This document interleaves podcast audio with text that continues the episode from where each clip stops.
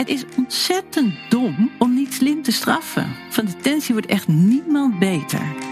We maken het die jongens zo ontzettend moeilijk om datgene wel te kunnen doen waar ze goed in zijn, wat ze willen, waar ze hun toekomst in zien.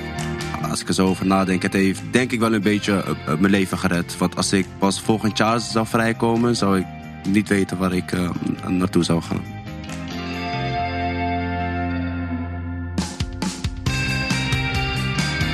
Kennis is er om gedeeld te worden. In Utrecht maakt kennis, een programma van Podium, ontdek je de tofste onderzoeken van de Hogeschool Utrecht van dit moment. Live vanuit Bibliotheek Neuden zoeken wij tot op de bodem uit wat deze onderzoeken ons kunnen leren over de wereld waarin wij leven. Bezoek Utrecht maakt kennis live of abonneer je op de podcast van Podium.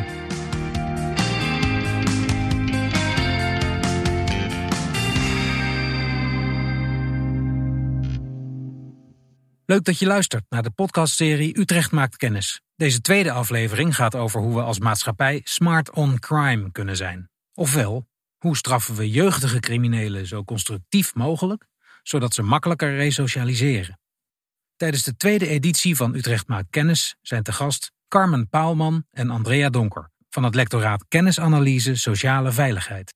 Speciale gasten zijn de broers Nahib en Nabil, je kent ze misschien van de podcastserie Verklaring omtrent gedrag van de Hogeschool Utrecht. Die podcast kreeg onder de naam Sorry voor mijn broertje een eervolle vermelding voor de Zilveren Reismicrofoon 2021. De podcast levert een bijzonder dubbelportret op. Waar Nahib na school en studie zijn leven op de rails kreeg en ging werken in een justitiële inrichting, kwam Nabil na een jeugd vol criminaliteit juist achter de tralies terecht. De broers gaan tegenwoordig samen op pad om jongeren te informeren over en te behoeden voor criminaliteit. De live presentatie is in handen van Patrick Nederkoorn en Paul Haak.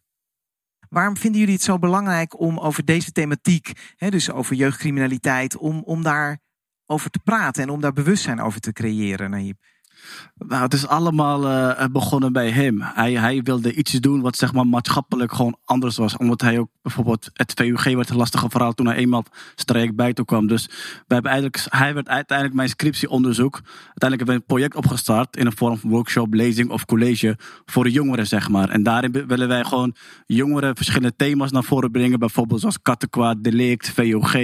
Wij willen gewoon alle jongeren kunnen inspireren. En in hun leefwereld bepaalde, nou ja, bepaalde aspecten naar voren brengen. Van hey, uh, wees bewust van je keuzes. Uh, dus eigenlijk willen wij een soort van, nou, van zijn fouten bijvoorbeeld willen wij gewoon nou ja, iets positiefs, iets in kracht gebruiken. Dus doen, zo is het. Uh... Anderen te kunnen behoeden voor dingen ja, die zeker. jij verkeerd gedaan hebt. Ja, ja, ja, ja, ja, zeker. De laatste college die we hadden, nou ja, college was een workshop die we hadden op een de middelbare school. was de laatste les van de dag, was een laatste klas. En uh, we deden gewoon onze verhaal, uh, legden het gewoon uit. En ja, er, beginnen opeens eh, drie meisjes te huilen. Die maken hetzelfde mee met hun neef of eh, met hun broer. Dus je, je ziet wel dat het echt heel veel met, met, uh, met, met de, de, doelgroepen doet. Waarvoor je het doet. Mooi. Ja. De podcast met de twee broers is een initiatief van het lectoraat Kennisanalyse Sociale Veiligheid.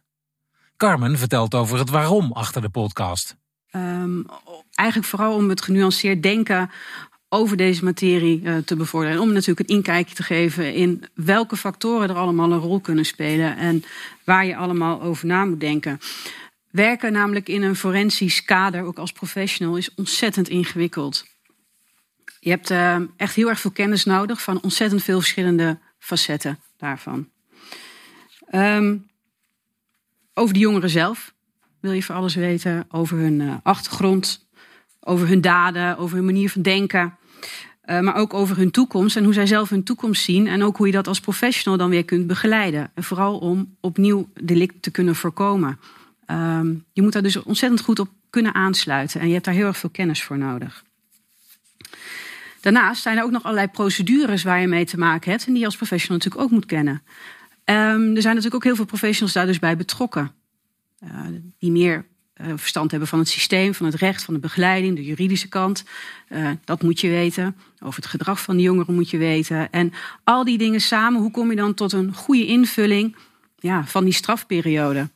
Uh, zodat je dat op een slimme manier kunt, kunt invullen. Ja, als we beginnen met die professional, hè, ik noemde net al, dat is echt een ontzettend complexe taak. Want je moet heel erg veel weten. En het ligt er helemaal aan op welke manier je natuurlijk met zo'n professional, als, als professional met een jongere aan de slag bent.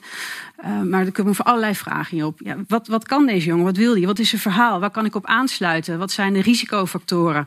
Maar wat, zijn ook, wat is de kracht van deze jongen? Waar kunnen we op inzetten? Is het muziek? Is het misschien iets anders? Op welke manier gaan we dat doen? En wat zijn de mogelijkheden? Liggen er misschien andere problemen nog aan ten grondslag die we eerst moeten aanpakken? Is ontzettend veel wat je moet weten. Die complexiteit, je ziet ook al meteen dat daar ontzettend veel verschillende professionals bij betrokken zijn. Dat kan je niet in je eentje doen. Um, en het besef daarvan, dat is gelukkig ook steeds meer doordrongen, ook binnen opleidingen, maar ook binnen gezamenlijke overleggen. Uh, niet alleen binnen justitiële jeugdinrichtingen, waar, waar al gewerkt, samen wordt gewerkt aan hoe uh, geven het leven straks vorm uit detentie. Uh, maar ook binnen gemeenten bijvoorbeeld, waarbij heel veel partners samenwerken om, om, om een zo goed mogelijk vangnet, plan van aanpak uh, te kunnen uh, maken en uitvoeren, wat echt past bij de persoon om wie het gaat. Ik denk meteen oké, het is dus heel complex, die taak. Maar dat betekent ook dat het, dus, dat het heel veel werk vergt om op een goede manier jongeren te begeleiden als ze eenmaal een straf gekregen hebben. Ja, en betekent dat dan ook, dat, dat vraag ik dan aan jou, heb jij ook heel veel verschillende hulpverleners ontmoet in die uh, tijd dat je in detentie zat? Uh, binnen de tijd dat ik in de detentie zat, dus in de uh, jeugddetentie, heb je groepsleiders vooral, maar je hebt ook mentoren die, die, die echt gericht met je weg staan werken. Sommige mentoren zijn gewoon een beetje laks. Ja, die, die, die, uh, die maakt het niet zoveel uit en die uh, laat je gewoon een beetje gaan. Ja. Uh, ik heb twee mentoren gehad die me echt het, mijn mindset hebben veranderd. Dus daar heb ik echt super veel aan gehad. Aan, aan, aan een, een mentor in een, in een groep. En wat was, wat was dat? Kan je er eentje noemen? Ja, die, gesprekken vooral. Echt niet gesprekken over van en, en, en wat ga je met je leven doen en waarom heb je dat gedaan? Maar gewoon vooral gesprekken van. Um, ja, wees begin gewoon normaal, normaal met elkaar te praten. Gewoon over dagelijks leven, et cetera. Van daaruit zie je toch dat ik dan geneigd ben meer naar mijn mentor toe om mijn eitje bij hem kwijt te kunnen. En van daaruit zijn we doorgaan naar een opleiding, naar een werk. Uh, André, het is dus blijkbaar heel erg belangrijk ook wat de focus is die een hulpverlener uh, uh, legt. En zou jij het verschil kunnen uitleggen tussen uh, risicofactoren, waar vaak nadruk op gelegd wordt, en beschermende factoren, waar misschien wel meer nadruk op gelegd zou moeten worden? Kan, kan je dat verschil uitleggen? ja, waarbij misschien ook goed is om onderscheid te maken tussen. De, je hebt aan de ene kant het ontstaan van het gedrag. En uh, we weten eigenlijk heel veel vanuit onderzoek over de risicofactoren voor het ontstaan van antisociaal gedrag, noem je het. Als het gaat over de kindertijd, dat is een breed begrip. Dat is ehm, opvoeding, buurt, trauma's die je eventueel hebt opgelopen. Allemaal van dat soort dingen, dat, dat noem je risicofactoren, toch? Risicofactoren zijn inderdaad uh, uh, die je noemt. Uh, het is een risicofactor als je heel erg impulsief bent. Het is een risicofactor als je heel erg tot agressie geneigd bent. Het is een risicofactor als je verbaal niet sterk bent. Sowieso IQ ja. laag is. Hè. Het is een super risicofactor als je een familielid hebt die in het criminele pad uh, op uh, is gegaan. Uh, en. Um, uh, en het is, uh, het is ook een enorme risicofactor als je al van, van heel klein af aan veel meer van het moeilijke gedrag vertoont dan normaal voor die leeftijd. Ja. En, uh, en als de omgeving daar dan niet goed op kan reageren. Dat zijn de risicofactoren. Daarnaast zijn er ook een hele hoop beschermingsfactoren. Omgekeerd is bijvoorbeeld als je wel intelligent bent, is het een beschermingsfactor. Dat je bijvoorbeeld als het thuis moeilijk is, dat je het op school, dat je iemand treft die jou uh, stimuleert. Um, kijk, als je het op school niet zo goed doet, is dat moeilijk. Dan trekt dat de aandacht. Maar als je het op school wel goed doet, kan dat een, een positieve omgeving zijn. Dus beschermingsfactor is eigenlijk dat wat je weer uit de criminaliteit, criminaliteit haalt en houdt. Toch? Of misschien voorkomt dat je erin komt. Ja, Want er zijn, uh, je kunt, uh, een belangrijke boodschap is altijd: je kan niet voorspellen wie in de criminaliteit belandt. Uh, je kan dat niet voor een individu voorspellen. We weten wel heel veel van de factoren die belangrijk zijn. Dat is wat Carmen ook bedoelde met die puzzel die een professional moet le leggen, is dat we heel veel weten. Maar als het gaat om een individu, moet je maatwerk leveren. Dan moet je zelf bedenken wat is voor deze jongen of voor dit meisje belangrijk. Bij jou was die beschermingsfactor heel sterk uh, je familie hè, in, je, in je omgeving en ook je wil om te leren overigens. Uh, maar kan je daar iets over zeggen hoe jouw familie je gesteund heeft in die tijd dat je in detentie was? Ja, uh, wij een gezin van zeven kinderen was ik de jongste. Dus de aandacht is sowieso op je gevestigd of je nou een goede keuze maakt of een slechte keuze maakt. Jammer genoeg kwam ik in detentie pas achter wat voor een familie ik achter me had dan is het te laat. Ik zeg ja, alles op zijn tijd natuurlijk. Gebeurd is gebeurd. Maar pas in de detentietijd kom ik echt achter, mede ook door de jongens om me heen, als ik hun levensverhalen hoorde en ik hoorde dat zijn broer zit in de criminaliteit, zijn vader zit in de criminaliteit. Hij heeft geen moeder meer bijvoorbeeld. En uh, hij woont nu bij zijn oma. Ja, zijn oma, zijn oma is dan in de 75. Dat doet mij alleen maar meer laten beseffen van... Kijk, uh, wat jij thuis hebt. Ja, want je, je moeder kwam bijna elke dag langs, hè? Ja, ik kwam in een, uh, we kwamen in Zeist terecht in een, uh, jeugddetentie. En dan mocht je vier keer in de week mocht je daar bezoek hebben. Nou, die jongens belden al van, mogen we op bezoek komen? Ik zeg, nee, die vier keer is puur voor mijn moeder. Dus, uh, Wauw. Ja. ja. Maar voor jou was het wel anders, toch? Jij ging aan het begin niet vier keer per week op bezoek, ver per maand. Ja, ik was boos. nee, ik ja, het begin was het lastig, want ik maakte zeg maar het, het lijden mee. Hè, van mijn familie, van mijn, uh, van mijn zus, uh, van mijn moeder. Die, thuis, wat, wat het met ons deed, dat maakte ik het hele proces mee. En ik vond dat, ja, ik vond dat hij het allemaal ons aangedaan heeft bijvoorbeeld. Dus in het begin had ik ook heel veel boze emoties. En dat is natuurlijk omgekeerd. dus het was voor mij wel in het begin erg emotioneel. En uiteindelijk heb ik hem kunnen bezoeken en dat kunnen uitspreken. En dat heeft gek genoeg ook onze band soort van versterkt, zeg maar. Voor we verder gaan, hoe zat het ook alweer met het strafrecht voor jongeren en jongvolwassenen in Nederland? Het goede nieuws is, we hebben het best goed georganiseerd. En we hebben sinds 2014 het adolescentenstrafrecht en dat is echt een verbetering. Het slechte nieuws is, het wordt nog veel te weinig ingezet. Het is nog niet zo lang geleden geëvalueerd. En eigenlijk eh, werd het maar in uh, uh, 6% van de gevallen mogelijk waren ingezet. 6%. Dat is heel weinig. Ik zal eerst eventjes misschien toelichten wat het adolescentenstrafrecht is. Je moet voorstellen, uh, in Nederland geldt het jeugdrecht tot 18 jaar. Tot 18 jaar als je een delict hebt gepleegd en veroordeeld wordt, dan doen we dat vanuit het jeugdrecht. En het jeugdrecht is primair erop gericht vanuit pedagogisch handelen te werken aan resocialisatie, wat staat voor voorkomen dat je opnieuw in de fout gaat. Vanaf 18 jaar volwassenenstrafrecht. Dat is een ander verhaal. Daar is het doel uh, is uh, veel minder die resocialisatie, dus ook uitgekleed. Daar is het doel meer afschrikking, uh, vergelding, bescherming van de maatschappij. Nou, er is heel veel kritiek op geweest in het verleden dat die knip bij 18 zat. Als je een knip zou willen maken, kan je hem beter leggen bij 25. We weten dat bijvoorbeeld vanuit neuropsychologisch onderzoek de hersenontwikkeling doorgaat tot 25, tot met het 25ste jaar. Daarna wordt het minder.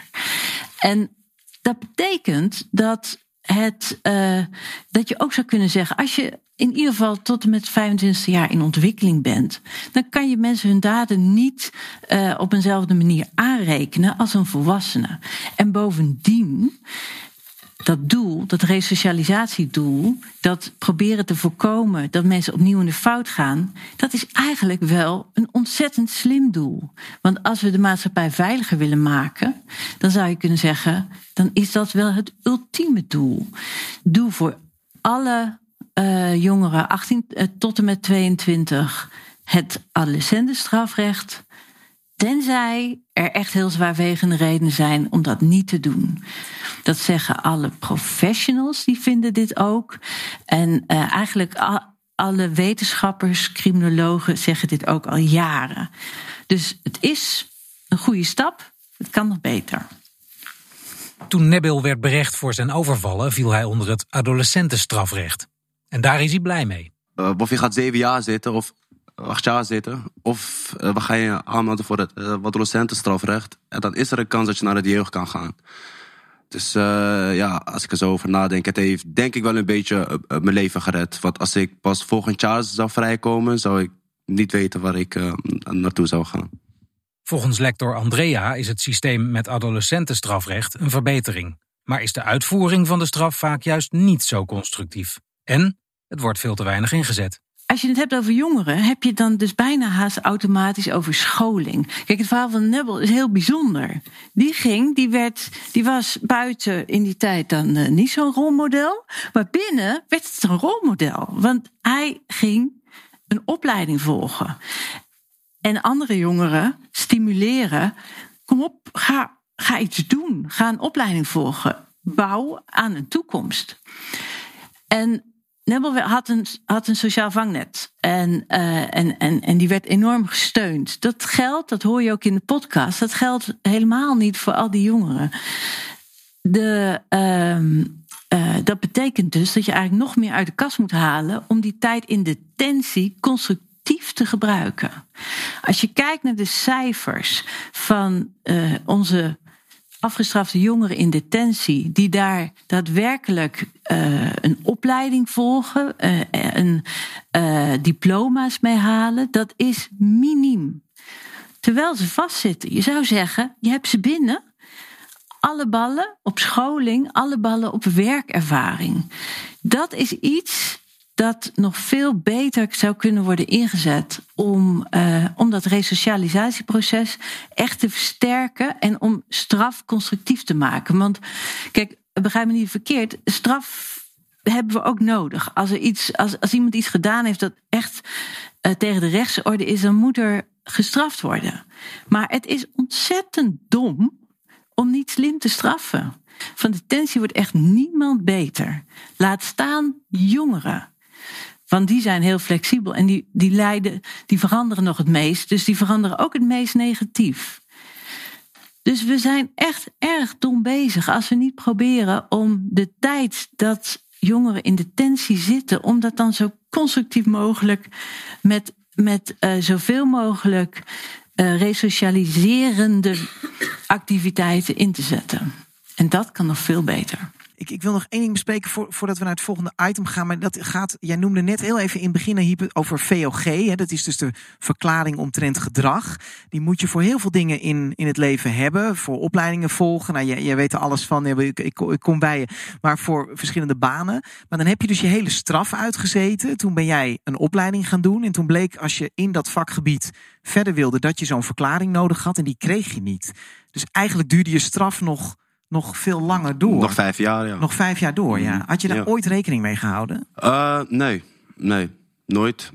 Uh, misschien een gedachte van twee seconden, maar ik dacht van... Ja, dan heb je je tijd uitgezeten en dan uh, doe je het goed en et cetera. Ja. Kom je naar buiten, dan word je door drie opleidingen geweigerd. Precies. Wegens de veiligheid van de medestudenten. Stel, je hebt niemand en je wilt het goed doen en je wordt door een paar opleidingen geweigerd voor de veiligheid van de studenten. Ja, die jongen heeft niet meer nodig om weer naar het uh, zachte pad te gaan. Ja. Het staat haaks op scholing en werk. Precies. En je ziet het ook, hè? we hebben de podcast natuurlijk uh, in eerste instantie niet voor niks verklaring omtrent uh, ja. gedrag genoemd. En ik denk dat het ook in Nebbels geval, want we zijn, nou ja, drie jaar geleden denk ik dat, dat we zijn begonnen met dit hele project. Um, en ook natuurlijk het staartje. En ik denk dat de, de, laatste aflevering van de podcast, toen corona er ook nog bovenop kwam, um, dat het ook wel heel erg duidelijk maakt hoe ontzettend veel veerkracht en intrinsieke motivatie moet hebben om um, ja, toch niet mee te gaan weer eh, met, met de vrienden die voor het oprapen liggen of die je mee kunnen trekken.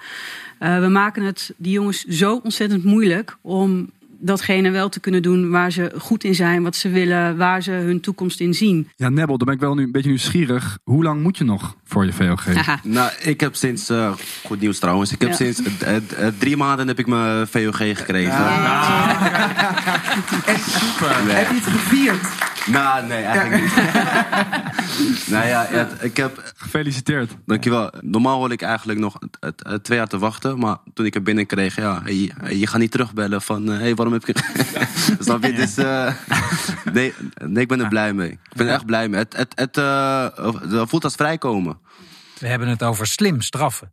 Maar moeten we juist niet strenger straffen om jongens en meiden af te schrikken de criminaliteit in te gaan? Afschrikking, daar dat werkt niet. Want de meeste delicten uh, worden gepleegd uh, niet uh, berekenend. eens eventjes bedenken, wat is hier precies de strafmaat? Ga ik dit wel of niet doen? Wat wel werkt is pakkans. We zijn deels rationele wezens, dus wordt wel nagedacht, hoewel ook de meeste delicten, heel veel delicten worden gepleegd onder invloed van alcohol, drugs, dan wordt er eigenlijk niet meer nagedacht.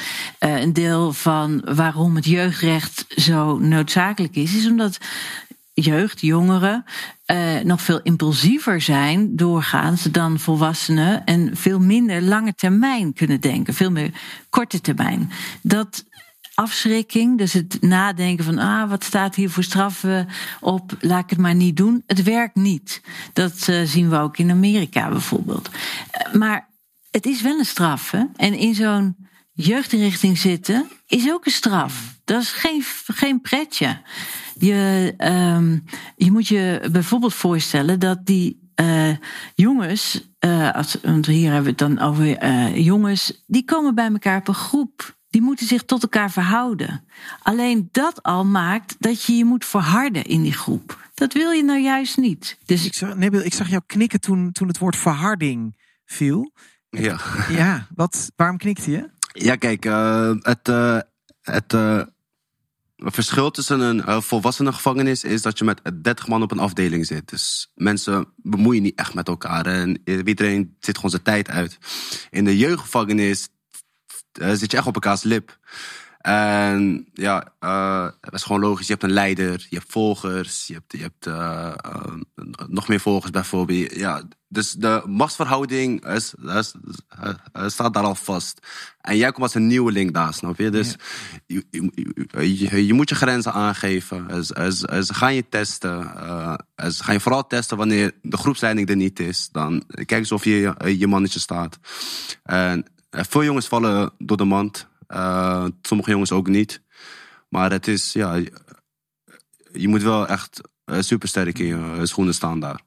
Kijk, de, de, de, meeste jongens zitten buiten met hun vrienden natuurlijk. 15 tot aan 20 man zitten rechts op een hoekje allemaal stoer te doen. Maar wat ze wel vergeten is, wanneer je de gevangenis ingaat, kom je alleen kom je niet mee uh, met uh, je vrienden allemaal. En je stoere gedrag was vooral met hun. En, en, en nu ben je alleen en je hebt een mooie uh, trainingspak aan. En de jongen komt naar je toe. Hij zegt, ik wil die trainingspak. Ja, wat ga je dan zeggen? ik, ik heb veel kleine jongens van in de 14, 13... die je nu ook buiten ziet met een hele grote mond. die op de fiets, die mensen uitschelden bijvoorbeeld. Ja, die worden binnen helemaal uitgekleed. En dan niet in de zin van... Hmm. dat mag gewoon... ja, is... is ja ze maakt geen le leuke tijd binnen mee.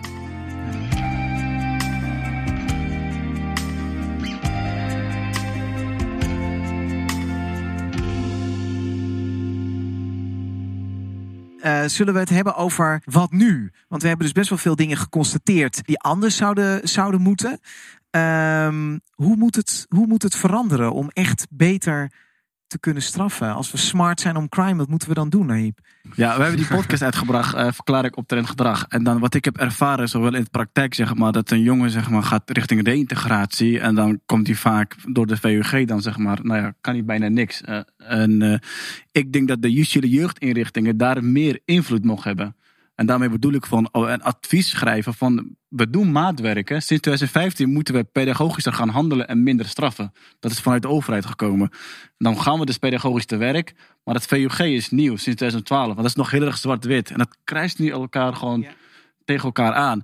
Uh, ik denk dat alle nou ja, jeugdinrichtingen, uh, jeugdinrichtingen daar meer invloed mogen hebben. Ja. Vanuit een gedragwetenschapper, vanuit een mentor, uh, vanuit nou, van meerdere mensen die daar in contact hebben. Dus advies schrijven van nou wij denken of wij hebben gezien en behoorden op geobserveerd dat deze jongen en VUG juist het slechte gedrag vergroot. Ja. Dus het criminele circuit wordt alleen vergroot. Wij denken na een jaar VUG, dus dan heeft Helder. een ja. jonger ook een perspectief Precies. van, hey, goed gedrag, dan kan ik na een jaar weer gaan. ja, wat zou er nog meer moeten veranderen? Scholing in de JJI of vanuit de JJI veel eh, meer. Dat wordt nu vaak in eh, groepsverband ook aangeboden. Dat werkt niet. Dus daar zou ook veel meer de faciliteiten. De JJI's hebben die faciliteiten niet. Dus dat, dat, moet van eh, die overheids. justitiële Oh, sorry. Ja. ja, ja. En nazorg. Eh, en al veel eerder, eigenlijk vanaf de eerste dag van detentie, zou er nagedacht en gepraat moeten worden met eh, de betroffen eh, jongen of meisje over: oké, straks kom je eruit en wat dan? Ja, Carmen, dan ga ik naar jou. Wat moet er veranderen? Nou, ik eh, zou hem dan toch inzetten op de, op de preventie. Kijk, crimineel gedrag, dat staat eigenlijk eh, nooit, eh, nooit op zichzelf. Ehm, en wat je eigenlijk zou willen, is dat alle kinderen in een ehm, ja, veilige en normale ontwikkeling kunnen, kunnen doorlopen. Los van eh, geweld in huis, van trauma, van oorlog, gebroken gezinnen, noem maar op. Ehm, ik denk dat het ehm, heel erg nodig is dat de keuze ook veel meer wordt gemaakt op het niet ad hoc reageren op eh, crimineel gedrag of wat moeten we daar nu mee. Maar dat daar veel meer in geïnvesteerd zou worden. Eh, om toch die vroege signalen daar beter mee om te gaan. Want die zijn er Ja, daar. toch preventie. Ja, absoluut. En tot slot, Nebel. Uh, uh, waar zal ik beginnen? nee, ik, ik, uh, ik sluit me sowieso aan bij de nazorg en de VOG. Daar ben ik uh, grote voorstander van. Over de uh, VOG. Maak een soort proef-VOG. Geef die jongen een jaar de kans bijvoorbeeld. Geef een VOG. Laat maar zien. Bewijs het maar dat je goed wil doen. En met de nazorg, ja, nazorg word je wel een beetje in, in de steek gelaten. Ja, hoe heb je dat ervaren, die nazorg? Nazorg, ja. Je hebt een maatschappelijke werken, je hebt een reclassering die je om de maand ziet. Uh, bij mij ging het goed. Ik ging gewoon naar school, et cetera. Dus ze hadden geen last van mij. Maar als ik wou, kon ik weer de andere kant op gaan en uh, ze hadden niks door. Ja, zag je om je heen bij anderen dat het dan niet goed ging? Ja, uh, veel jongens die wel tegen die VOG aanliepen en dat ze met niemand konden praten. Dus gingen ze weer dat pad op. Ja, dat is toch de makkelijkste keuze dan. Ja, ja. ja in de podcast zeg je ook, ik werd zo vaak door ja, mensen gevraagd van, kom drugs verkopen. Mm -hmm. Maar toch zei je elke keer nee. Ja. Wat, hoe, wat, wat maakt dat je dan toch nee zei? Dat je niet weer makkelijk daarin nou, terecht bent gekomen? Ik wist van mezelf dat ik dan uiteindelijk weer in de gevangenis belandde. En hoe pijn ik uh, mijn familie uh, ermee zou doen. Dus het was uh, voor mijn familie, uh, voor mezelf vooral. Het is gewoon ja, een duidelijke nee. Het is gewoon een nee bij die jongens. En zoals ik al zei, als je een vinger geeft bij die jongens, willen ze je hele hand. Dus heb een nee en ze komen nooit meer terug.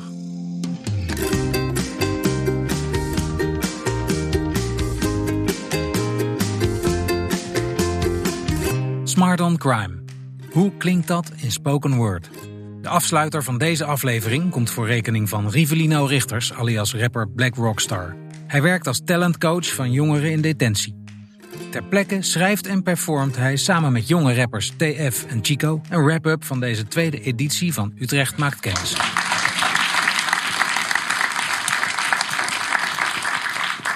Smart on crime. Maak nu kennis met de straat. Peelt tot meer dan je denkt. Daarom werken we op maat. De professional heeft een zeer complexe taak. Leren te connecten wat het meer persoonlijk maakt. En wat je geeft, krijg je ook terug. We moeten werken aan de mind. Hou het menselijk vooral niet stug. Ga in gesprek. Ga achter het verhaal. Dat is wat je moet gaan vinden. Alle fouten worden zo je kracht. Wees sociaal. Wees slimmer met de straf. Detentie mag niet beter. Scheid het koren van de kaf. Applausje, applausje, applausje. Ga wat kort doen, een kleine ding. Ik was 16 en ik zat het vast. Focus nu op goede toekomst en betalen last. Vier, vijf mannen in de crime lab, twee die man die zit vast. Loof naar al die mannen daar zo en de mannen daar langs. Want ik ben ze dankbaar. Ze zeggen ik was vlambaar. Shit, ik leef dit echt. Kleine jongens kijken pas naar Pablo. Kleine jongens spelen Chapo. Ik sta sterk in mijn schoenen, maak de keuzes net de capo.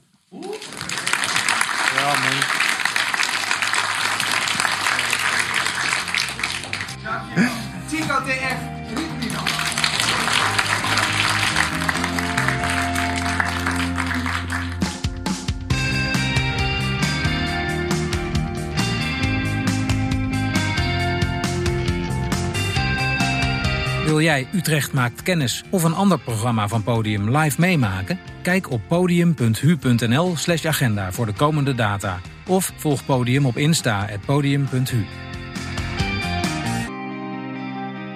Utrecht maakt kennis is een productie van Podium, het cultureel studentenplatform van Hogeschool Utrecht. Gasten in deze aflevering waren Carmen Paalman, Andrea Donker, Nahib en Nebil Hamidi, Rivelino Richters, TF en Chico. Live presentatie Patrick Nederkoorn en Paul Haak. Programmaproductie Alinde Hoeksma en Sam Dumosch. Partners Bibliotheek Utrecht en Lectoraat Kennisanalyse Sociale Veiligheid. Deze podcast werd geproduceerd door Michiel van Ruitenbeek en Matthijs Duringhof.